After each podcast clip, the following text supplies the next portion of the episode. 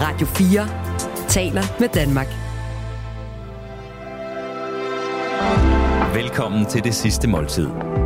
Din vært er Lærke Kløvedal. Rapper, pladeselskabs ejer, forretningsmand, sangskriver og en tredje del af bandet Suspekt. Orgi E, Klamfyr, Emil Simonsen. Velkommen til dit sidste måltid. Tusind tak. Er det de rigtige titler, jeg har puttet på dig? Det synes jeg. Rapper, Ja, pladeselskabsejer, det er. nu også øh, tøjfirma-ejer.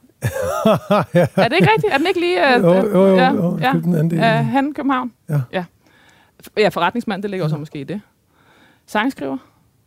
Og en tredje del af bandet Suspekt. Og på en eller anden måde, så er Su- Suspekt altid meget, mange flere end tre, ikke? Jo, Der er Ja. noget med, at det er sådan en, en størrelse, der er... ja, det er, det er sådan en, en, ja, en mærkelig størrelse med en masse mennesker rundt om, og, og musikere, og ja, der har været alle mulige hemmelige medlemmer, og fire medlemmer, og, ja. Men kernen er suspekt, ligesom Ja. ja. mig og Rune Andreas. Grundlæggerne. Er. Ja, grundlæggerne er, som, og det har altid været. Øhm, og grunden til, at jeg siger Orgi E og Klamfyr, for dem, der ikke skulle kende dig, så er det fordi, det er de to navne, du arbejder under. Ja. Er der flere? Nej, på et tidspunkt, altså så var der noget Emilio Gostilo, kaldte jeg mig. og det synes jeg egentlig, jeg er lidt ked af, at det ikke var det, der blev sådan navnet. Fordi jeg tænkte, okay, det er et meget fedt navn. Emilio Gostilo. Emil Costillo? Emilio Gostilo. Ja. Helt Øhm, klart. Der Det er altid sådan nogle rappernavne, ikke? Det var i virkeligheden noget lidt underligt noget. Men, Så hænger de ved. Ja, så hænger de ved ja. på en eller anden måde. Og Klamfyr, det var sådan mest sådan kalde, kaldenavn-agtigt. Det var bare sådan, du følte dig. Ja, Ja. ja. jeg blev kaldt, og kæft, en klam fyr, ikke? Fordi Okay. jeg ligesom nogle gange tog den lidt længere ud, end andre ville. Og, også, og- det var også under det navn, du øh, udgav soloplade. Ja. Ja. Ja, det kan, jeg kaldte faktisk, fordi jeg vidste ikke, hvad pladen skulle hedde, og hvad jeg selv skulle hedde. Eller sådan, Okay. Så jeg kaldte mig selv Orgie og pladen Klam Okay, Fyr. yes, klart. Ja. Okay, Emil, jeg har skrevet nogle øh, overskrifter til din nekrolog. Ja. Og jeg har skrevet tre stykker. Og øh, jeg vil gerne læse dem op for dig. Og skal vi så vælge dem? Ja. Hvad for en? Ja. Okay, fedt. Og hvis øh, jeg, vil gerne, jeg, vil, jeg læser dem op for dig, så vil jeg gerne høre, hvad du tænker om. Ja. Og så i sidste ende vil jeg gerne have, at du vælger en. Okay. Den første lyder sådan her. Øh, Orgie er død. Med suspekt gik Emil Simonsen sammen med barndomsvennerne Rune Rask og Andreas Bay Duelund fra at være for eksplicite til de store øh, pladeselskaber til at indtage tronen som Danmarks største rapgruppe. Det var den første. Ja. Hvad synes du om den? Jamen, den er rigtig, men den er også meget sådan på, øh, altså på musik, Mhm. mm-hmm. og på, på det, det, altså det er jo en del af mig, men Og på gruppen. mere på gruppen mere. Ja. Men det, det, altså, det, jeg skulle til at sige, det var ikke, det er ikke så personligt, Nej. men det er jo også kun lige gået, gået i gang. Jo. Vi er først lige gået i gang, lige præcis. Den næste øh, lyder sådan her. Orgie er død. Rapper Emil Simonsen var en af Danmarks ivrigst dyrkede, dygtigste og mest alsidige rapper. Han kunne rime. Hans referenceramme til ikke mindst hjemlig historie og arbejderkultur skulle der ikke kimses af, og han havde et flow, der mestrede både det maniske og det opbremsende. Den Fedt. går mere på dig ja, og, og, og, din og, og lyd. min egen, Ja. ja. Ja, min egen pensel. eller Ja, hvad man præcis. Siger. Ja. Yes. Det, det kan jeg, godt- jeg kan godt lide det. Mit ego bliver tilfredsstillet her. Dit ego har det dejligt. Ja, ja, det er skønt, tak. det er pæne ord. Det er fra Jeg- Information 2012. Ja, jeg, Ja. jeg vender mig, øh, hvad hedder sådan noget, kærligt eller dejligt i graven. Ja, præcis. Og så, lige præcis. Ja. Helt, helt blødt. Ja. Og den sidste lyder... Øh, dansk hiphop mistede sin mødt om med Emil Simonsen og resten af Suspekt. Orgie E er død. Wow. Det var vildt. Hvorfor? Det ved jeg ikke. Det var sådan... Det var alt meget kort. Ja. Wow. Den tager jeg. Jeg kan mærke, at jeg bliver blev- helt rørt. Fordi hvad, hvad rammer den? Øhm. Alt. Mm. Så sidder du lige der med hjertet fremme. Ja. Wow. Godt skrevet. Jeg tager den sidste. Det jeg kan godt lide, når ting bliver sådan øhm, øh, præcist og, og, og, og rammende og kort. Der behøver ikke at være sådan for meget øh, rundt om. Så det, det, det, så kan man skrive, så kan vi skrive alt det andet Så, bagefter. præcis. Og det er netop også, det er jo overskriften. Og så Ja. fortsætter vi ned i teksten. Wow. Og den er fra Soundvenue 2018, skynder jeg mig at sige. Så fortsætter jeg her, Emil. Mm. Emil Simonsen blev født i 1979 og voksede op på Vestegnen. Han blev kaldt OGE, fordi han mistede sin mødom som 14-årig i et gruppesamleje med en af sine venner og to veninder fra Galjebakken i Albertslund, hvor han voksede op. Så, er vi lige, så kom ja, vi ligesom så fra den så ene vi til den anden.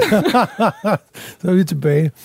Jeg tænker, ja. det, det, det behøver man måske ikke at nævne i en nekrolog, Er men det jeg kan godt forstå, at øh, ja, ja, ja, det tænker jeg, det er også meget sjovt, men det, men det er mere sjovt i sådan et, øh, sådan et interview-sammenhæng, Ja. synes jeg. Det er ikke så... Øh, det er ikke så nekrologagtigt. det er ikke det, jeg behøver at have stående til at starte med. som, øh, som, som dine børn får lov til at læse som de første linjer om Ja, dig, hvis det er ja. noget, der Jeg skal nok forklare dem det. Altså, det forklarer man jo sine børn, hvordan, hvordan hvad der sker. Ja. Men, men det lyder måske også lidt for... Øhm, øh, lidt for posh, end det egentlig var, det der Okay. samleje der. Okay. Det, det, var, altså, det var jo også noget... Det var, det var hyggeligt og trygt, men det var også lidt noget råd, ikke? som, som det er, må jeg vil Ja, sige. ja, ja, Ja, og, og, altså- og især sådan, når man, når man første gang, ikke? Ej, var det smukt. Det er altid spændende lige at komme ind på det her tidspunkt Ja, i den præcis. samtale. Lige præcis, den kan, være, den kan ligge mange steder. Ja, det Øh, kan den, præcis, det kan nu, den. nu gik Jeg du ind på... Øh, sidder og snakker om samleje med sådan en halv tårer i øjet. det er virkelig... Nå, så er vi i gang. Og, og så er der græsbuffet næsten Ja. bagefter. ikke? Netop, Som yes. er, ja, nu har vi løftet sløret for Ja. det. Det, Ja. det. er det, vi skal have hele vejen i dag. Græsk øh, menu. præcis. Mm. Der må være et eller andet for det. Ja, Øhm, Det er der. der ja. Til at starte med, øh, blæksprutte på forskellige måder. Der er kalamari, altså friteret ringe. Og så er der øh, octopodi, så mm. store arme, som Ja. er, de er lige grillet, og så ligger de i sådan en marinade med masser af eddike og olivenolie, salt og peber. Åh, lækkert. Yes. Så skal vi have uso at drikke til. Det Ja. er første gang i øh, over 100 programmer, vi skal have det. Yes, Yes. altså i det hele taget en totalt original menu. Vi har ikke, altså vi, Nej. vi har Nej. kun meget kort været omkring ja. Grækenland i en, måske noget blæksprut eller et eller andet. Ja. Men Ja. den her, den er jo helt ren, og første uge. Og, Ja. og meget stramt koncept, eller sådan, det er meget øh, sådan autentisk. Ja. ja. Ja. Yes. Fedt. Det er det, vi starter Shit, med. Man. Tak. Perfekt. Velkommen. Så, så er vi også i gang. ja, ja. Følelser, gruppeknald Halv og uso Ja. inden for fem minutter. Skål. og nu skal jeg spørge dig, hvorfor, vi skal, hvorfor skal vi have øh, blæksprutter i to omgange til forret? Øhm, jamen, det skal vi, fordi at nu er det jo mit sidste måltid. Ja. Og øhm, øh, noget af det første, jeg kan huske fra min barndom, er at være i øh, Grækenland med min mor og far mm. i 80'erne. Øhm, vi var i Grækenland første gang, tror jeg, i 1982 Mm. har det nok været.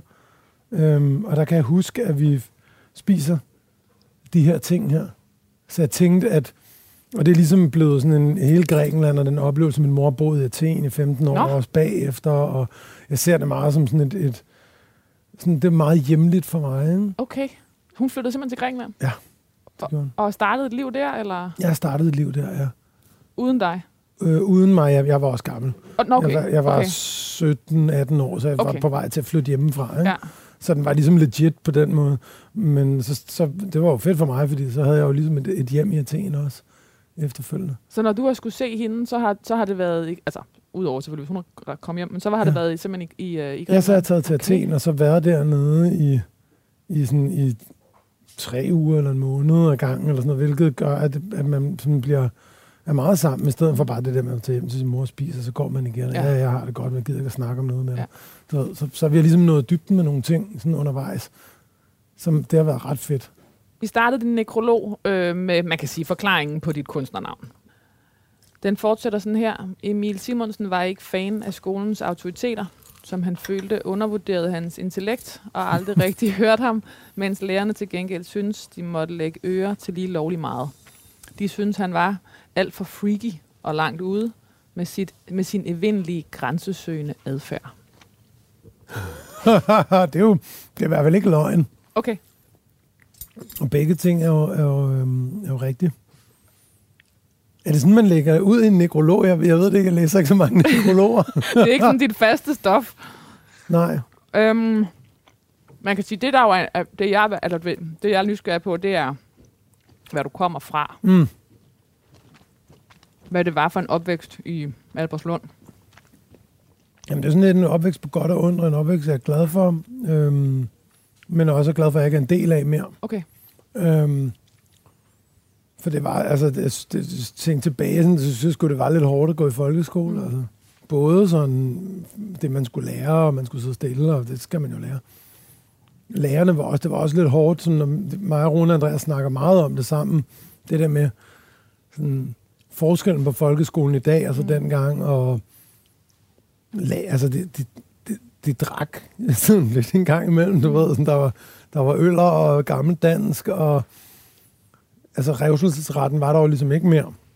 Så man fik en flad, mm. eller hvad? Mm, jeg har set en få en syngende flad øh, foran hele klassen. Ikke? Øhm, og jeg har også set en brække næsen med en skalle fra en lærer, og jeg har, jeg har set en fortyder nøglebund i ansigtet. Og sådan. Altså, der var ligesom nogen, som begynder at sidde og tilgive lærerne lidt, mm. men, men de kom også fra en gammel institution, hvor de var blevet slået af nogle lærere, ikke? Altså, fordi man havde spanskrør og sådan noget. Så der, der skulle ligesom også noget tid til, altså man plejer at sige, at der er to generationer, der ligesom skal til for, at man ikke gør det. Så jeg tror, at vores generation gør ikke det, men, men der var noget, der skulle udvandes på en eller anden måde. Altså, men der var også ja, fulde lærere. Sådan, når det er sagt, så var der også pisse gode lærere. Det er slet ikke det. Der var også lærere, der mobbede, og, og det er svært. Det var fandme svært at være barn i. Altså, det synes jeg skulle. Så havde jeg min tryghed op i min, min, min, min fritidshjem og min klub, okay. hvor der var nogle enormt gode pædagoger. Virkelig seje, stærke pædagoger. Ikke? Så det husker jeg som sådan et godt sted.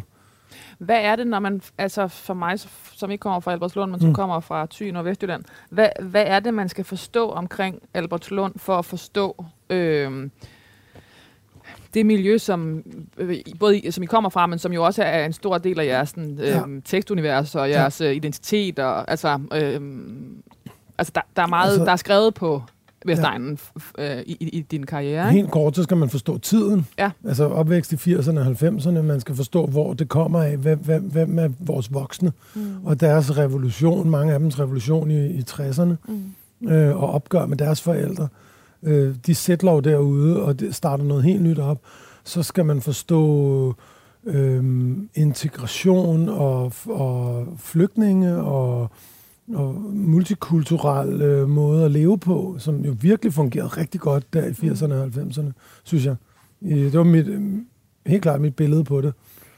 Så, og så skal man forstå psykisk sygdom og, og, og øh, det med, at der ikke er blevet, ligesom blevet taget hånd om det, eller at det ikke er blevet proppet i kasser endnu af ADHD og så videre, så videre, men også voksne med psykiske sygdomme og jeg kan huske, der var sådan en, vi kaldte Tosselar, som ligesom sad fast i et LSD-trip fra 60'erne, og altså det var sådan, det var bare dagligdag, altså det der, og, og, og alkoholikere, og, som sad og hang. Det gør de jo mange steder, men mm. der var sådan, øh, sådan ret mange, sådan erindrer jeg op foran købmanden, og de blev bedt om ligesom at, at gå 100 meter væk til sidst, måtte man ligesom skrive sådan et skilt, man går væk herfra. Og sådan. Okay. Så det var, virkelig en melting pot, ja. altså i, i nogle helt nye betonbygninger, som placeret på nogle marker et sted.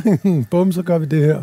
Så var det ligesom, der var, men der var også ligesom en ambition, nogle voksne, ja. der ville noget andet. Ja. Øhm, ja. Både kvæg deres opvækst, men også, mm. du ved, okay, her bygger vi nyt land, og så ja, og med alt, hvad der ligger i det. Nyt land og, og et alternativ til København, og de der øh, gamle baggårde, med, hvor man skulle skide og pisse ud af vinduerne nærmest, ja, ja. Altså, hvor, altså man ser det i den store badedag og sådan noget. Ja, det er klart. Um, ja. Så det ville folk jo væk fra. Um, så der var ligesom sådan et sted, hvor der skulle være, og, og vi blev sådan, der, der skal være plads til alle her. Ikke? Det blev virkelig sådan plads til alle, og social, og, og sådan free way of living, som jeg egentlig ønsker mig ret meget tilbage til en gang imellem. Men som altså, jo så også har været et clash med det, du oplevede i skolen, eller hvad? Ja, på en eller anden måde, fordi så var der sådan noget hårdhed og noget af den der sådan... Noget af den hårdhed, jeg også oplevede, når jeg var ude og besøge min farmor og farfar ude i Hvidovre, noget af den der sådan virkelig gammel arbejderhårdhed. Ja. Og proletarhårdhed, ikke? Øhm, Fordi hvad kom dine forældre fra? Hvad var... Min, min far, han kommer fra en, øh, et rækkehus videre med en far, der er fængselsbetjent, og en mor, der er vaskekone. Øh, og den der sådan meget ja, proletaragtige mm. måde at, at, øh, at, at vokse op på. Og så kommer min mor fra, hun er fra sådan en præstehjem, min mor var provst, Okay. og min mormor var fra Vestjylland, fra Skjern, øh, med intermissionske øh, samfund deroppe fra. Men brød ligesom, hun var sådan en, hun er den altså, største rebel, jeg kender, ikke? brød ud af det og kom til København, ikke? og fandt så en præst bevares, som hun selv vil sige, men, men det var virkelig sådan, det var virkelig et, øh, det var vildt at gøre dengang. Ikke? Som dreng hang Emil Simonsen ud i øvelokalet i Galjebakken, kvarterets ungdomsklub. Der, hvor de ældre drenge prøvede at lyde som øh, gangsterrapper Ice Cube og Ice-T. Emil købte sig en kasket og et par bukser med så meget hængerøv, at taljen gled ned om knæhaserne. Til fodbold var der kun en anden knæk, der gik i den samme slags kluns. Han hed Andreas Bay Dulund. Og eftersom de var de eneste, der kunne lide hiphop, blev de ret hurtige venner. Rune Rask fik en invitation til øvelokalet på Galjebakken, og raporkestret Ølholdet opstod. Mm. De andre på Ølholdet ville ret hurtigt hellere lave alt muligt andet end musik. Det ville Andreas, Rune og Emil ikke. De ville bare øve sig. Ja. Og det gav resultater. Øveholdet. Øveholdet, ikke ølholdet, men, øh, men øveholdet. Mm. Det får ud at se i 2014, eller 2017. Ja. Øhm, I fandt hinanden. Andreas og Rune lavede ligesom noget musik sammen. Okay. Allerede, de var genboer. Øhm, så de havde ligesom Rune, han kom ind og lavede med hans øh, beats og musik, fordi hans udtryksform har altid været musikken. Han har aldrig snakket så meget som os andre. Eller haft lyst til at udtrykke sig på den måde, men til gengæld så udtrykte han sig øh, med musikken. Og, og det havde Andreas ligesom fundet. Og han havde sagt til Andreas, hey, prøv lige at, at skrive noget over det her. Kan du ikke bare lave nogle amerikanske raptekster, eller rap det de andre rapper, eller et eller andet. Bare lad os lave et eller andet og optage det. Og så fandt jeg jo Andreas til fodbold. Og, og wow. Og havde det der øl, eller vi havde noget op i, i, øh, i hvad hedder det, op i Gallibankens mm. øvelokale, og inviterede Andreas og Rune med derop. Ja. Så det er, det er rigtigt. Men det var, øh, altså det er som om, fordi det, altså, det hele er sådan meget pakket ind i, øh, jeg forstår Mm. mig ret, øl og, og øh, øh, Ja. nu starter den med, med gruppeknald, ikke? Altså ja. sådan, øh, og, og det har meget været sådan fortællingen om jer. Ja. Øh, og det der med, det er jo også ligesom, det er jo også, det er jo også noget med at finde sin stamme, og Ja. ja. finde sin, Ja. ja. altså, sin klan. Mm. Og det har helt sikkert været, ligesom været det, vi har gjort, eller i hvert fald finde folk med jer med samme mm. interesse. Mm. Øhm, og så var omdrejningspunktet, altså grunden til, at vi hed ølholder, det var fordi, på et tidspunkt, at vi kom altid hjem hos Andreas, fordi der kunne vi være også og lave musik, og jeg tror, hans forældre synes, at det var meget fedt, at vi ligesom, så var vi der, Mm. så var vi samlet, så rendte vi ikke rundt og lavede alt muligt andet. Der var Altså, var der på en eller anden måde lidt styr på jer. Ja, og, og de var altid været enormt gæstfri også. Og, og, og så kom vi der med vores poser med, med øl, og var sådan ja, 17-18 år, ikke? Og, og synes det var spændende at drikke, og alt det der halløj. Og så, Andreas' far, han åbnede altid døren sådan, hvad fanden, der kommer ølholdet jo igen, du ved. Sådan. Og så bare sådan, hvad skal vi hedde? Vi er jo ølholdet. det var det, han siger. Den tager vi. Den er Ja, fin. vi fik altid sådan lidt, fordi det var sådan, åh, skal, altså, skal, vi, skal I nu, hvorfor skal I drikke så mange bajer agtigt ikke? Sådan, for vores forældre tænker jeg lidt, men, men samtidig så var der jo styr på det. Vi tog jo ikke ned på et eller andet sne ind på diskotek og kom op og slås og alt det For de der. lavede altid musik. Ja, det er sådan, jeg husker det. Altså, jeg husker simpelthen som om, at omdrejningspunktet, det var at, at, at se film og høre, og, og høre og lave musik og rappe over instrumentaler og sådan noget, ja. Det var, det, det var derfor, vi Men det er jo også sindssygt grænseoverskridende. Altså, jeg mener, altså, der er også en grund til, at der ligesom skal åbnes de der Ja, ja, ja, ikke? og det har jo så været undervejs, har det ligesom været noget, der sådan hang, hang lidt ved af, af, af øl og alkohol, var sådan ligesom en, en del af det der med at sådan starte hurtigt op. Mm. Eller undskyldningen først og fremmest. Ikke? Ja, altså, ja, Du kan præcis. ikke se sig Ja, drikke sådan- nogle øl, og så... Ja, så kører vi. Ja. Så det var, det, var en, det var ligesom en nem måde at, at, at komme hurtigt til noget sjovt, eller til latter, eller til at sige nogle ting, man ikke ville gøre, eller Ja. et eller andet. Ikke? Og det gav også, altså det giver hurtigt en sådan en, en jargon, en samme, en, en måde at være på, ikke? Sådan en, ja, sådan en, en bodega-jargon, hvis man Mm. kan kalde det sådan. Og så var det bare fedt, det var sjovt, altså. Og så var det også en del af, altså, på en eller anden måde en del af en, en kultur. Mm. Og det er det jo stadigvæk Mm. i dansk kultur, men det er sådan, en stor del af det, som om de voksne, de drikker, når de er sammen. -agtigt. Ja. Min mor har aldrig rigtig drukket så meget, men jeg kunne se det sådan, når jeg var ude i større forsamlinger. Ikke? Sådan, det, det gør man, når man er voksen, okay. Og så synes jeg altid, at de der alkoholikere der, de var simpelthen så spændende. Altså. Okay, hvorfor? Der, jamen, der skete altid noget. Jeg elskede at komme op til købmanden, og du ved sådan... Der, der var på en eller anden måde sådan et, en, en tension omkring de der mennesker der. Der, der, der, var, der var hele tiden på vej til at eskalere, ikke? Og nogle gange, så var det eskaleret. Så kan jeg huske, vi kravlede op på taget, op i vores øh, klub, øh, hvor både vuggestue, børnehave, fritidshjem og klub lå samme sted i Gallibakken, så uanset hvornår jeg har været, har vi ligesom også været meget op på taget, ikke? og fået skæld ud, for jeg var ikke bare op på taget. øhm, og der var flade tage, så man kunne løbe rundt op. Mm. Og så, øh, og så, så kigge over på købmanden, man kunne sådan se derover, ikke? og så kunne man sige, fuck mand, nu, nu er de oppe og slås, eller nu sker der noget, du ved, nu kommer Tosse Lars forbi, eller en eller anden, du ved. Ikke? Så der har været sådan et eller andet opsøgende. Altså, det var sjove, de der mm. mennesker, der altid var fulde. Altså, det bliver så tydeligt sådan Ja. i karakteren, Ja. i øh, ham, der sidder dernede Ja. med, du ved, og knapper bajer op, eller, og nemlig altid fortællingerne, der hører med. Ja, og de fortællinger, det er nemlig nogle af de fortællinger, som jeg så har hæftet mig meget ved senere, ikke? hvordan at livet ligesom kan, kan, kan gå sin gang, eller stoppe der, eller du ved, senere oplevede jeg også, at det, wow, det var, fuck man, det er mine venners forældre, nogle af dem her, ikke? altså enten som døde af det, altså simpelthen døde druk, eller, eller som vi skulle slæbe hjem i altså nogle, nogle brænder der, hvor man tænker, fuck mand, altså, og, altså, og vi snakker ikke bare sådan en, en festbrændert, øhm, som kommer en gang hver andet år, eller sådan noget, men altså sådan en, hvor man bare ved, okay, men der ligger ham her, Ja. igen, igen, igen, og nu, nu er det også altså, på 14, der skal slæbe ham hjem, altså, eller 16, eller hvor Mm. gammel var. Det var, sådan, det var ret vildt egentlig, altså. Sammen blev Rune Rask, Orgie og D til Suspekt. Den første koncert, de fik lov til at spille, var til en musikfestival for børn i Aalborg i 1997, som en af deres pædagoger havde fået arrangeret, at de skulle deltage i. Til koncerten kastede Suspekt pornobladet ud til publikum. Jeg på en eller anden måde, den, jeg ser som den der for, koncert for mig. Man har bare set sådan nogle pædagoger, der sådan velmenende har været sådan, nu skal I prøve ud at optræde og sådan noget, og så bare et eller andet. Er det, Ja. Men det var faktisk lidt der, hvor hele det der gimmick-agtige Ja. noget startede, kan man sige. Hvor vi fandt ud af det der med at bruge øh, andre virkemidler, end bare at stå og spille, spille hvad hedder det, musik og rappe. Ja. Altså, at, at der godt kunne være nogle, nogle gimmicks undervejs, som, som kunne tage koncerten et andet sted Okay. hen.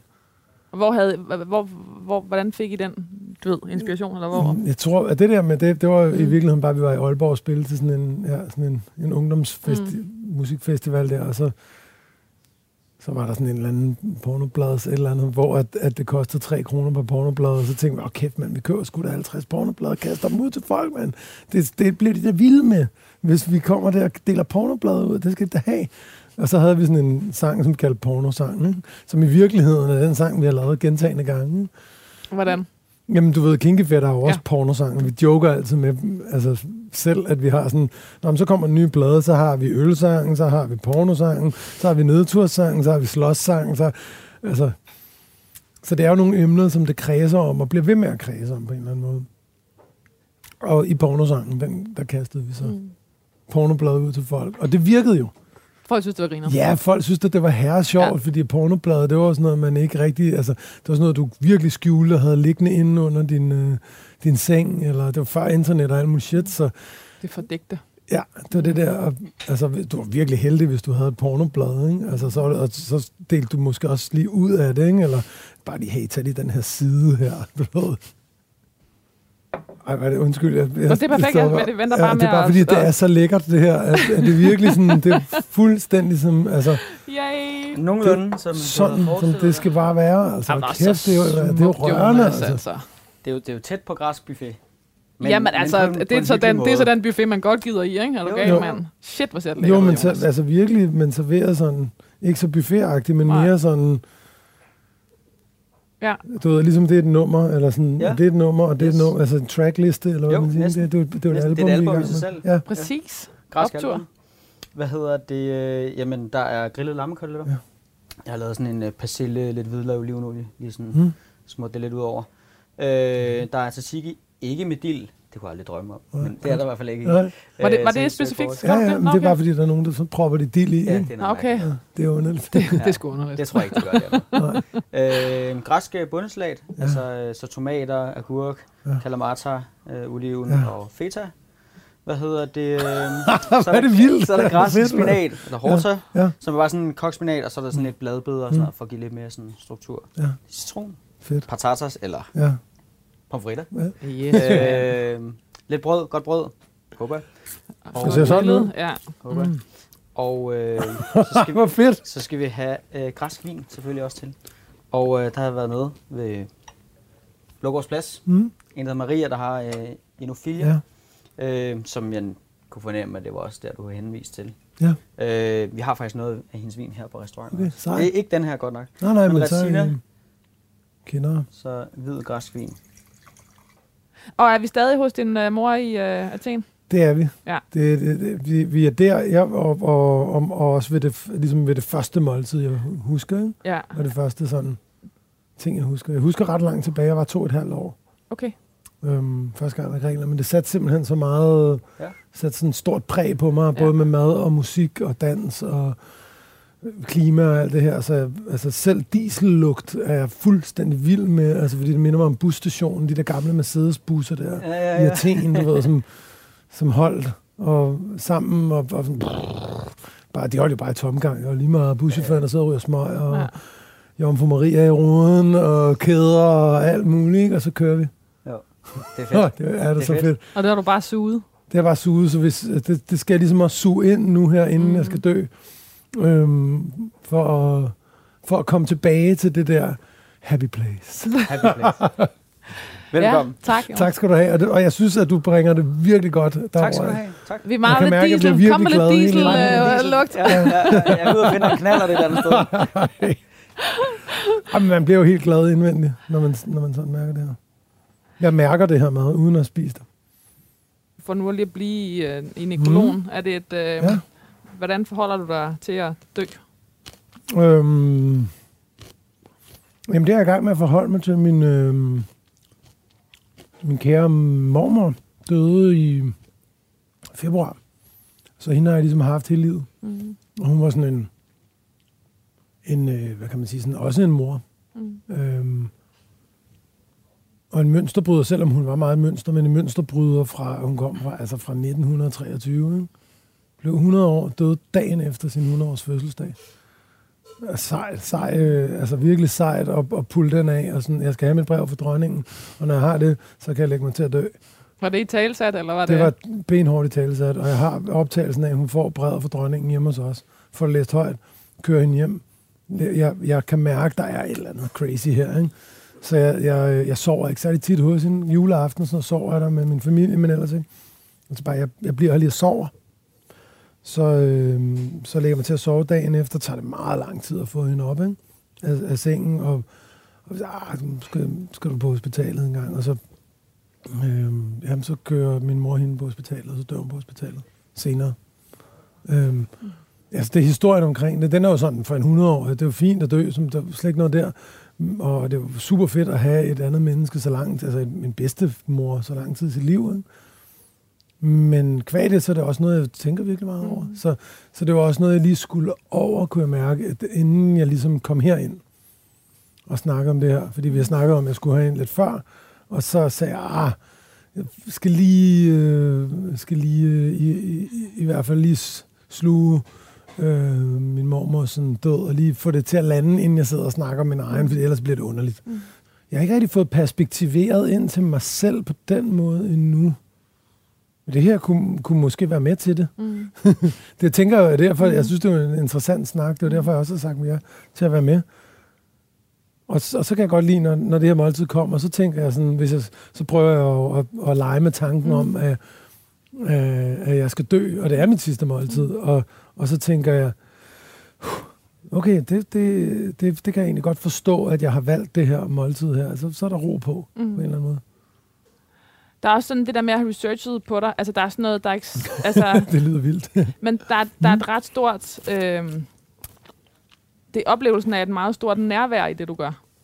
det ser ud som om det hele blander sig sammen, fordi det, det er alt sammen i, øh, du ved, øh, halløj. Eller der er, sådan, du ja. ved, der er gang i den, når Ja, I, ja, ja, ting, jeg ja, nævner nu. præcis. Men, der er, men i det, der er noget med, I I bliver det, ved med. ja. Og det er det spændende. Ja. Ja. Nu er du nemlig inde i kernen. Nu er du simpelthen inde i kernen af det, som, som jeg elsker. Og grunden til, at jeg tror, jeg elsker at optræde, især også med Rune og Andreas, fordi når vi optræder, så er det som om, at mig og Rune og Andreas får sådan et rum. Altså, der er mange rum udenom mm. det, men, og nu bliver det helt weird, ikke? Men, men vi er ligesom i en boble, hvor vi ikke snakker sammen. Hvor Okay. vi taler et sprog, som, som er en måde at kommunikere på, som, som man ikke ligesom kan... Altså jo, jeg kan...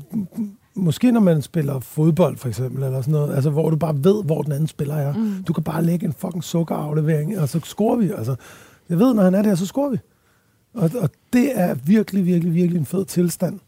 Altså, og den tilstand er også i studiet nogle gange, når, når, når det rigtig fede beat bliver øh, smidt med, med det rigtig fede hook, med det rigtig fede tekst, med det rigtig fede idéer, som kommer en ny melodi, og altså når vi skaber noget sammen. Det synes jeg er sjovt. Eller ligesom en samtale her, hvor vi så snakker lidt rundt om nogle ting, og så finder vi lige pludselig ud, eller ind Ja. til en kerne, Mm. øhm, hvor det sådan, bliver, bliver spændende, eller hvor der er en nerve, tror jeg i virkeligheden. Og den der nerve der, den kan jeg virkelig godt lide at leve efter. Der er også noget, der er også i, øh, ja, i en af dokumentarerne om jer, det er sådan, hvor du, øh, altså, altså du ved, altså seriøst bagstiv, hvor, men hvor det ligesom går, går op for dig, at øh, en af dine an- andre gamle venner, øh, Ja. Bliver, at han bliver far den dag, og det sådan, sådan Ja. går op for dig. Ja. Altså, altså Mm. mm. om det er lige før, man kan se i øjnene på dig, at du sådan går ind i nærværet omkring at give livet videre. Ja. Altså, når ens vennegruppe begynder at få børn, så sker der et eller andet øhm, med sådan, wow, nu er vi next level. Nu er vi forældre. Mm.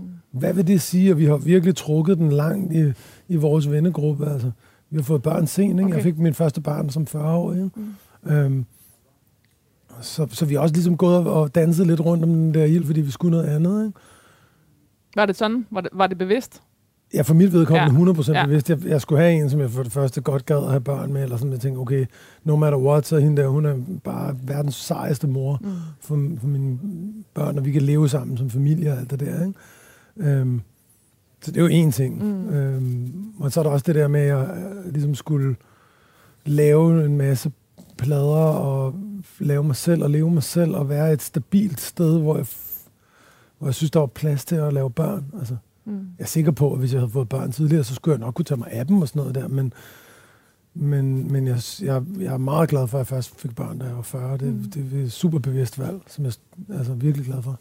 Også fordi jeg føler mig super øh, ungdommelig og med masser af energi og øh, alt det der. Så jeg føler ikke, at det er sådan, åh, åh nu skal jeg op om morgenen og sådan noget. Men også at kunne tune ind til det sted. Altså at Ja. være der med dem. Altså Ja. have den bevidsthed og klarhed Ja, omkring. det er fedt. Det er jo, det er jo, det er jo igen, det er jo så mm. next level efter ens ven for børn, det er jo så, at når man selv får børn, ikke? og ser, at uh, hele det der med himmel og hav står i et, og ser, du ved, sådan hele verden på en ny måde. Og så når man er sammen med dem, når de begynder at snakke og gå og alt det der, så få det der, for det er jo også noget af kernen, som jeg tror ligger i det sted, hvor mig og Rune og Andreas søger ind til, altså den der helt rene barnlighed, som man får, når man er på scenen. Og som jeg synes, publikum også får, når vi er i det der rum, som en suspektkoncert kan give, både os og, og, og folk, der er til stede. Altså sådan en ting, hvor vi bare overhovedet ikke behøver at tænke på, hvor vi kommer fra, eller hvor mange penge vi har, eller om vi bliver mobbet eller ikke er mobbet, eller om vi er hankønnet, hudenkønnet, sidstkønnet, alt muligt kønnet. Altså, hvor vi bare er. Som sådan en stor masse, der bare bevæger sig med energi og prøver at opleve den. Ikke? Det, det er altså virkelig powerfult. Det er som om, der er sådan igen, altså sådan... Men det er som om, der er sådan en kerne. Men det der med, at, at det er ligesom... Jeg ved godt, I også har egnet jeres liv end hinanden, åbenlyst. Men altså, det er som om, at, at, at, at, at det er som om, det er den jord, I betræder. Det er den, der er jeres Ja. centrum. Er Det er det det. sådan, det ser ud, eller er det sådan, det er? Ja, sådan der. 100.000 procent. Der går ikke en dag, hvor jeg ikke snakker med Rune eller Andreas, også om andre ting end musik, mm. men selvfølgelig med musik meget sådan, eller tænker på dem, eller altså er sammen, eller, eller bare ved sådan. Det er, altså, det er sådan, det er sjovt, for så var der en, der spurgte forleden, sådan med, om, har I nogen brødre? Så går det op for mig, Gud, Rune har en søster, jeg har en søster, og Andreas har en søster. Okay. Så det kan godt være, at der er sådan et eller andet i det der, som er sådan et broderskab måske, som, mm. som vi har søgt i hinanden. Altså nu snakker jeg bare ud fra noget, jeg ikke aner noget om, men, men, men, men, men der er jo sådan et, et broderskab i det der. Noget helt fundamentalt. Ja, uden at have, have blodet med som sådan. Ikke? Mm. Og Men, der- men altså, vi holder jo fandme også ferie sammen nogle gange, og har haft sommerhus ved siden af hinanden, og vores børn er venner. og Det er jo helt, altså, det er, jo- vi, er jo stod, altså, vi er jo i familie sammen på en eller anden måde. Ikke? Der er noget, der er Det er meget smukt. ud, altså, udefra set ser ekstremt øh, rent ud. Og så måske også gør, Ja. du ved, at du ved, whatever tekstunivers og sådan noget kan blive så beskidt. Eller du ved, jamen, der er det, sådan noget i det ja, der. Jamen, så tror jeg nemlig, ja, det, at ja. vi også har brug for at dyrke det beskidte musik og alt muligt andet. Og så, det tror jeg også, det, det er jo det, vi prøvede at portrættere lidt i den sidste dokumentar, mm. som der ligger inde på TV2 Play. Det der, altså sådan styrken i venskabet og, og det. Altså for at inspirere andre til ligesom at, at, at, at holde fast i nogle ting, eller sådan sige, om det kan godt være, at I vokser fra hinanden, men I kan også godt vokse sammen i, i det at vokse fra hinanden. Mm. Det, det vil jeg sgu virkelig gerne inspirere folk til. Øh, vi er stadig vi er tilbage i jeres øh, start, Mm. og vi var til, til koncerten der med pornobladene, og så senere så står der, Oh, to år senere kom den første plade, der bar navnet Suspekt, og bestod af morbide tekster spækket med voldsfantasier. Ja. De var trætte af, Suspekt var trætte af, at dansk rap var så lallet, Mm. så nu skulle de fandme vise dem, hvordan man kunne ude på Vestegnen. Dengang spillede de øh, koncerter for ølbilletter på små spillesteder, og de blev øh, af kritikerne beskrevet som tre primitive idioter. Ja. Voldsforherligende, kvindenedsættende, det værste mod børn, sådan polio og sådan noget. Ja. Der var ingen, der ville røre ved gruppen, så de endte med at udgive øh, pladen på deres eget pladeselskab, som de stiftede og døbte Tabu Records. Ja. Emil Simonsen blev optaget på Rytmisk øh, Konservatoriens M- Music Management uddannelse. Mm. Hvis ikke branchen ville støtte op, måtte Suspekt selv klare paragraferne. Okay, var det, var, det, var det sådan en, okay, hvordan gør vi det her? Øh, Mm. Emil, det er, dig, der, det er ligesom dig, der har bedst øh, energi på at sådan skulle styre noget, øh, køre noget, så du tager den uddannelse. Ja. Nu digter jeg. Ja, ja, ja. Og det er også delvis rigtigt. Altså, øhm, det, er jo, en- det er en passion, jeg selv har haft, så jeg tænkte, øhm, jeg, jeg, jeg, jeg fandt en stor interesse i, øh, efter jeg tog HF, så tog jeg sådan noget, der hed HH, som ligesom var en overbygning af handelsskolen. Fordi jeg tænkte, ej, jeg må alligevel kunne lære at, at, at handle eller forstå noget om, om business, fordi at jeg vil jo gerne have en business med den her, det her, vi har lavet. Det gik meget godt for den første plade alligevel, selvom der var nogen, der sagde, at det ikke skulle gå så godt og sådan noget. Der tænkte, ah, tog jeg den uddannelse, og det fik jeg virkelig smag for. Ja, så, så, øh, så, så tog jeg ligesom den uddannelse, og, og så blev det, kvad det blev det ligesom mig, der sagde, jeg er ham, som gør det. Og det var klart, det var jo ikke så meget Rune, fordi, øh, hvad hedder det, handler om musikken. Og der var ligesom ikke nogen til at udfylde den rolle på fodboldholdet, kan man sige. Så, Så den tog du. så den tog jeg. Ja. Det er syret, ikke? Fordi for, altså, du ved, der, er- man kan også mærke, at den måde, sådan, journalisterne har Ja. ja. beskrevet jer på, er meget sådan det der... Og igen, jeg ved jo ikke, hvad der er baseret på jeres egne udtalelser, eller på Nej. dine egne udtalelser, og hvad der er deres egen tolkning, men også det der med, så skulle de fandme vise dem, hvad man kunne ude på Mm. mm. Vestegnen. Mm. Mm. Det, bliver, det er sådan, det, der er hele tiden sådan noget øh, sådan lidt aggressivt i opposition, eller sådan en... Ja. Og, og, og du ved... Øhm, og i øvrigt også sådan et billede af, at det hele har været sådan en lang fest, og Mm. men, men, men du ved, hvis man ligesom skræller alt det af, så ja. er der også bare en total straight historie om, om Ja. tre Ja. øh, drenge. For Og det er den historie, der ikke er fortalt særlig mange gange, og i virkeligheden den, som er mest interessant for mig, er Rune Andreas. Altså, I fucking bare gjort jer umage. Vi har gjort det sindssygt. Altså, hvis du ser Rune Raskmand, han, går, altså, han laver fandme med, altså, han, han laver ikke andet end at tage studiet hver dag. Han gør så umage hver dag. Han søger hver dag, søger han den nye ting, eller det næste, eller laver. Altså, hvis han var kok, havde han lavet en. Ja. stået i køkkenet og lavet en ny ret, så når vi kommer ind på den her restaurant, og kokken siger, jamen, jeg er jo øh, stort set her øh, Ja, ja. hele tiden. Ja. Altså, Ja. øh, der er her, og så er der hjem. Så, så er det jo også sådan for Rune. Ja. Altså. De blev senere lykkelige for, at ingen havde tur at lege med, for Emil Simonsen solgte senere til pla- platinstatus med sine udskældte ungdomsvenner. Ja. Suspekt var horrorcore, pornorap og velfærdsnedsmeltning for tændt mikrofon. Sammen, er det, Mm. synes du, de, de ord stadig er rimelige for jeres... øh, Horrorcore, det er ja. det stadigvæk. Sammen med LOC åbnede Suspekt døren ned til kælderen under den danske hiphop. Dernede, hvor alle de forbudte tanker, voldelige forestillinger og perverse fantasier blev gemt væk til hverdag. Mm. Album, album efter album slog Albertslundsslynglerne med stadig mere raffinerede verbale knytnæveslag, dybe revner i civilisationens tynde fernis og alle de gode Flot velfærdsplaner. skrevet. Hvem har Det er skrevet det? politikken 2014. Tynde Fernis. Så. Emil Simonsen og øh, Bay D., som er Andreas Bajdulund, sat sammen med producer Rune Rask ord på alle de beskidte lyster. Øh, alle de beskidte lyster, et menneske også består af. Med sange som Sut den op for slap og knipper dig til techno. Er det en rimelig beskrivelse af øh, jeres aftryk? Ja, det synes jeg, det er, jo- det er jo en lille del af det. Ikke? det, som vi snakker om nu, altså der er jo, igen, så er vi jo ude i, i headliner. Ja. Øhm, jeg synes, det var flot skrevet, jo.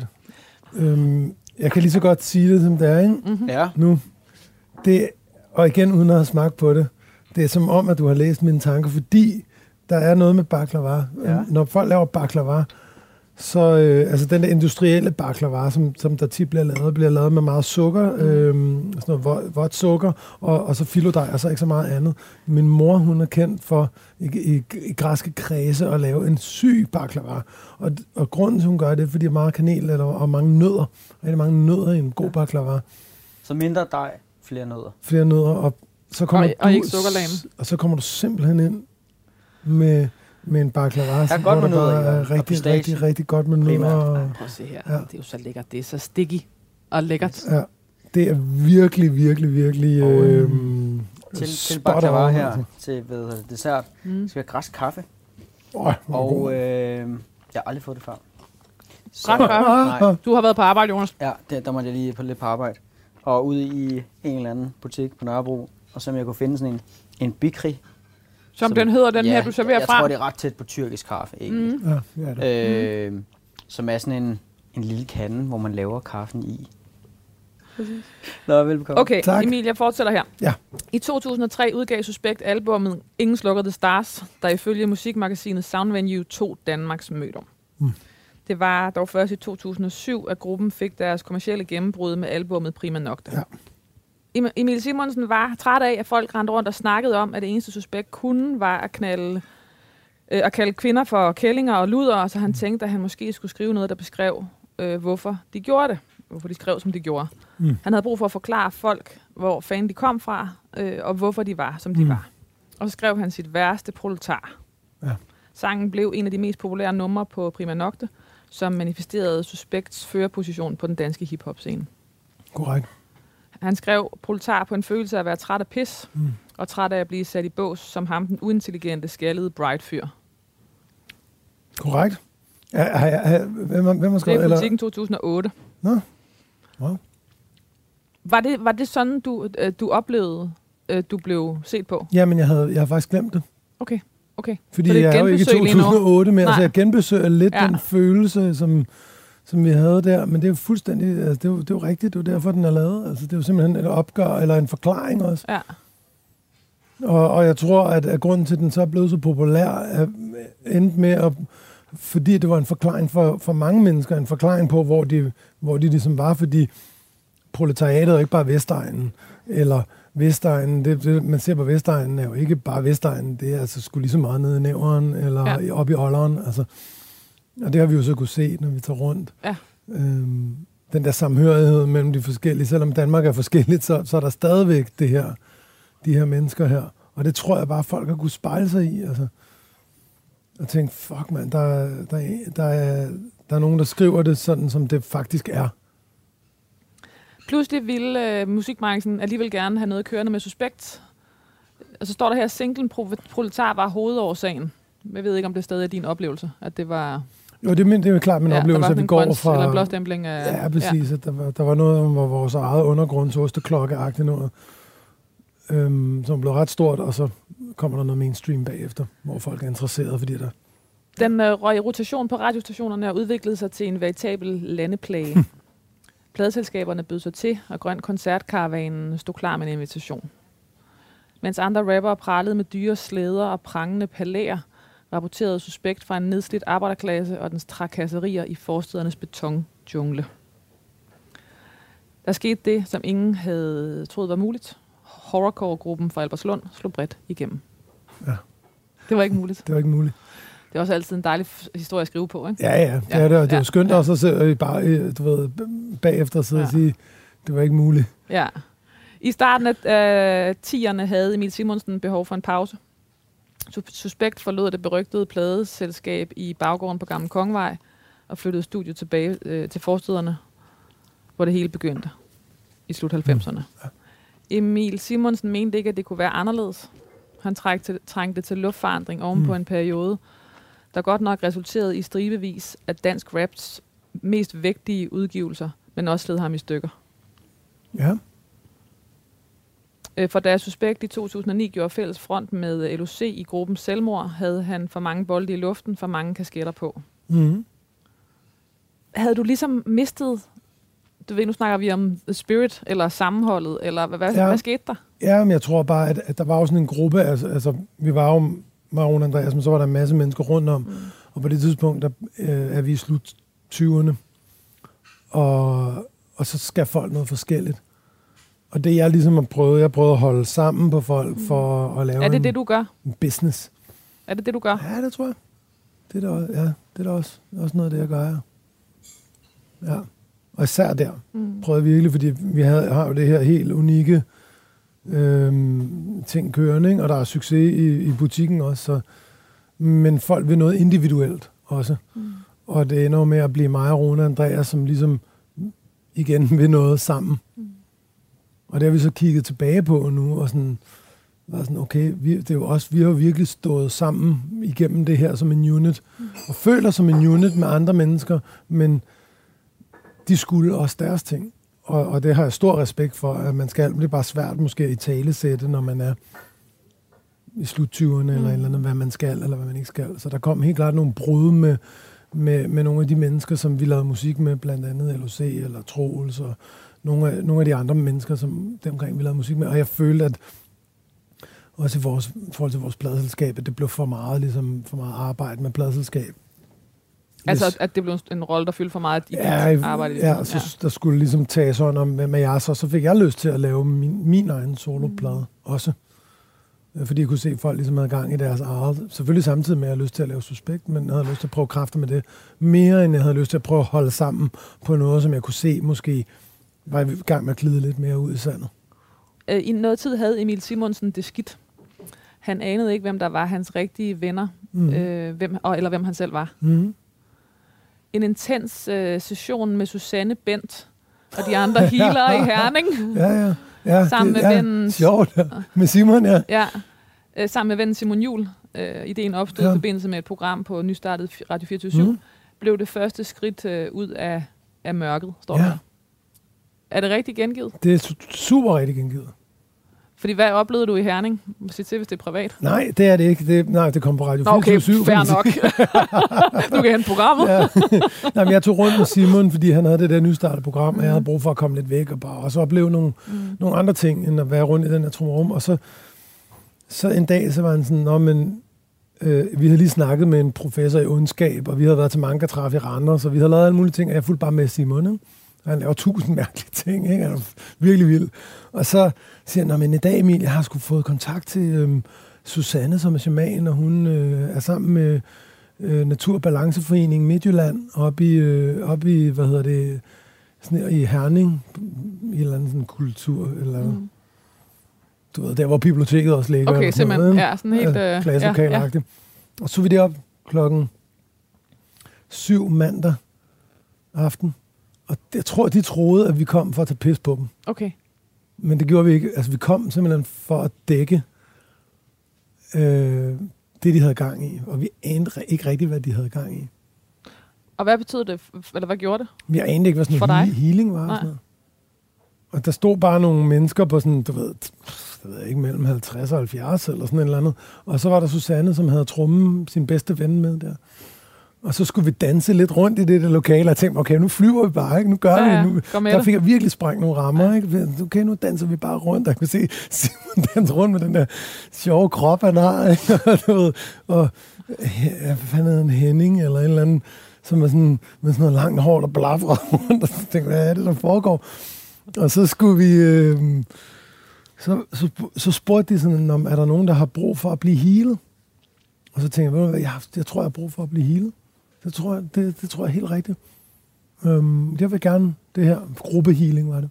Og så, øh, så stillede jeg mig i midten, og så stod de rundt om, og så chantede det ligesom et eller andet, eller sådan sagde noget, og sådan noget. Og hun spillede på den der tromme, og lige pludselig så forsvandt jeg sådan lidt i hovedet, du ved, sådan, og så min arme begyndte bare sådan at...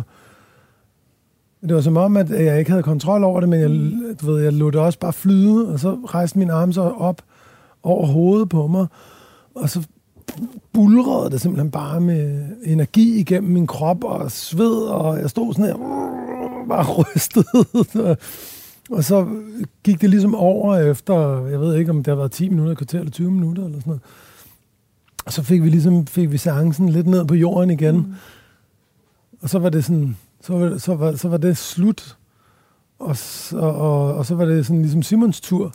Så sagde han, det vil jeg, jeg tror også godt, jeg vil igennem det her, fordi vi var begge to et sted i vores liv, hvor vi måske godt kunne bruge lidt healing. Mm. Og så tog vi hjem, og så sov vi bare 12 timer bagefter, og drak så meget vand, og du ved, alt det der. Og så næste dag vågnede vi og snakkede det igennem, og var sådan, okay, altså hvad fanden er det? det? Det var virkelig en rejse i går, og sådan noget. Vi må sgu have fat i, vi skal have fat i hende der, Susanne igen. Hende skal vi have fat i. Vi skal have en one-on-one session med hende der. Og så tog vi ud en stendyse ude i Mols Bjerge. Fordi der er noget energi. Der var noget energi for forfædrene, og hun mm. prøvede, prøvede ligesom at, sådan at, at snakke om den her energi, der var herude, og vi skulle vælge hvor en sten, og altså, vildt, mand hold kæft, en power, ikke? hvis man gider at gå ind i det og, og, og give, sig, give sig selv hen til en, der, der ligesom kan få en på en rejse, som igen er lidt større end dig selv. Mm. Og, og, og, og sådan åbne det op for, at der var altså andre mennesker på jorden, før dit ego rendte rundt og flejnede. Ikke? Og, og på et tidspunkt, så, så, så er du her i den her gravhøj øh, sammen med de andre, og en del af naturen og alt det der. Og den, sådan, det der med at abstrahere fra egoet og, og falde, falde til et sted igen, det var fandme vildt, altså. Emil Simonsen var blevet skilt og vendt tilbage til sin toværelses hybel på Vesterbro i København. Han proklamerede straks sin ændrede civilstatus til omverdenen med det balkantruttende Airplay, Airplay-monster Single Pick. Orgie E. var med andre ord kureret for sit urolige hjerte. Nu fortsætter jeg her. Op gennem 10'erne blev Suspekt en af Danmarks største hiphopgrupper. I 2015 spillede de øh, igen på Roskilde Festival, og denne gang optrådte de efter Paul McCartney på Orange Scene, hvor de lukkede festivalen lørdag nat som det første danske navn i mange år. Suspekt havde en helt særlig live-energi. Når de spillede live, var det ofte med fuldt setup med band, nærmest en nærmest primal fælles sangstemning med, og pyroteknik for flere hundrede tusind kroner. Koncerten blev en milepæl for Suspekt, der senere blev omtalt for at sætte en ny standard for dansk hiphop. Samme år blev Suspekt de store vinder til Danish Music Awards, hvor de modtog priser for årets danske gruppe, årets danske live-navn og årets danske urban udgivelse. Ligesom Rune Rask og gruppens hemmelige medlem Jonas Vestergaard vandt prisen for årets producer. Sammen med Lucas Graham udgav Suspekt i 2015 øh, en ny single, Søndagsbarn, der modtog årets lytterpris til P3 Guld Suspekt optrådte til Distortion på Nørrebro, hvor koncerten blev lukket ned efter 13 minutter, da kapaciteten på Blejdomsvej havde nået sit maksimum. Ja. Med, med tekster om patter, der var så store, de var ved at eksplodere. Jeg spørger mig dig i munden, det er ren slik. Var Suspekt i mange år den forbudte trio, man enten dyrkede som protest eller, eller dyrkede i smug. Men det blev efterhånden et forældet øh, øh, billede for Suspekt, blev allemands eje. I foråret 2017 offentliggjorde Spotify, at Suspekt var streamet i alt 3 millioner timer. og det er 17, altså så der er jo, ja, der er jo uh, ligesom... noget. Spurgte man overleverne fra Albertslund, skulle opturen ikke tilskrives en særlig form for modstandsdygtighed. Succesformularen var kedeligere end som så. I et interview med Ud og Se i 2017 understregede Emil Simonsen, at Suspekt stadig var succesfuld efter så mange år, fordi de tog håndværket seriøst. Der kom den. Der kom den. Så lang tid efter. Ikke? Ja. 20 år efter. Ja. at vi gik i gang. Ja. Og stadig en sætning, som handler ja. om, at I overlever. Ja. Ja.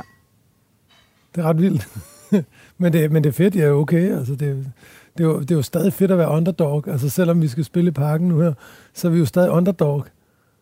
Men I er jo ikke underdogs længere. I sidder jo på Nej. toppen af tronen, altså. Men, men det er sjovt, fordi så føler jeg alligevel, at jeg pisse underdog. Altså. Okay. Men det er nok bare, fordi jeg er vant til, eller måske fordi jeg er vant til at have den følelse.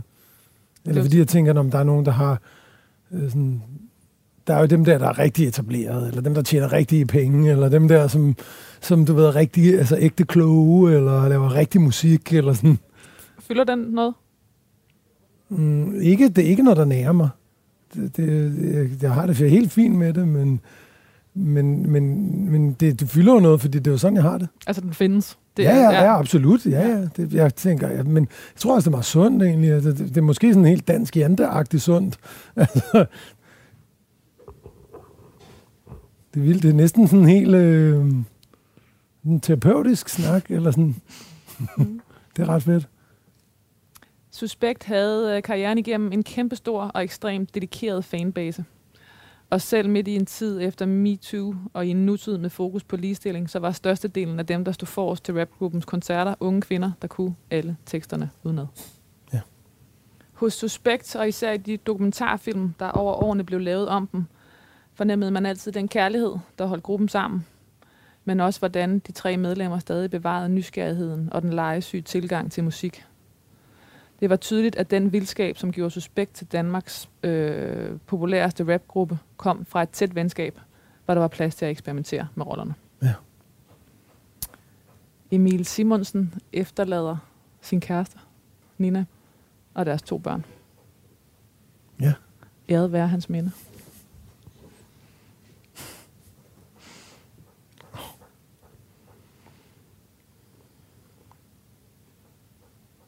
Nu bliver du helt ked af det.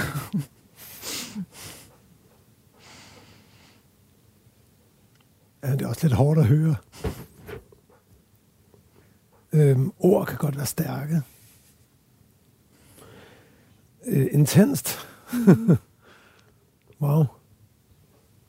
Hvordan vil du gerne huskes? Øhm, jeg vil gerne huskes som en god far øhm, som en god ven, som en, som turde øh, gøre noget anderledes, og en, der rykkede noget med det anderledes, jeg turde gøre. Og så en, der ikke gav fuck for, hvad de andre sagde om, om hvad der kunne lade sig gøre, ikke kunne lade sig gøre. Fordi det, det, det, det gjorde vi, og det, det gør alle. Emil Simonsen, hvad skal der stå på din gravsten? Det ved jeg faktisk ikke. Det har jeg aldrig tænkt over. Ja, der kan jo stå meget. Mm. To, to møder om på dansk rap. det er også lidt vildt. Mm. Øhm. Elsket at savne. det, det kan der godt stå. Det må der godt stå. Tough words. Ja. Det var lidt hårdt den sidste der, synes jeg. Vidste du godt det? Det, det er den nogle gange, jo. Ja, især hvis man har noget, man godt kan lide. Så det, det, er, jo, det er jo egentlig meget bekræftende i virkeligheden. At, at det er sådan, okay, men jeg, jeg, jeg, jeg er glad for det, jeg har. Emil Simonsen, tak fordi du er min gæst i det sidste måltid. Tak. Radio 4 taler med Danmark. Det sidste måltid holder sommerferie frem til september. Men i den periode er der heldigvis stadig en masse andre gode programmer på Radio 4, du kan lytte til. En af mine egne favoritter, det er Portrætalbum. Du kan lytte til Portrætalbum i Radio 4's app, eller der, hvor du lytter til din podcast. Tak, fordi du lytter med. Peter Sommer brød sig i mange år hverken om at synge eller optræde. Jeg synes bare, jeg har spildt så mange publikums øh, tid med at stå der og træde sig selv over tæerne og ryge smøger. Og... I det sidste måltid på Radio 4 er Peter Sommer død i en time. Jeg har jo bare lavet de der sange, og et par stykker af dem er blevet et hit, ikke? Lyt til det sidste måltid i Radio 4's app, eller der, hvor du lytter til podcast. Jeg skal lige vende mig til tanken om, at det er det sidste måltid, ikke? Radio 4 taler med Danmark.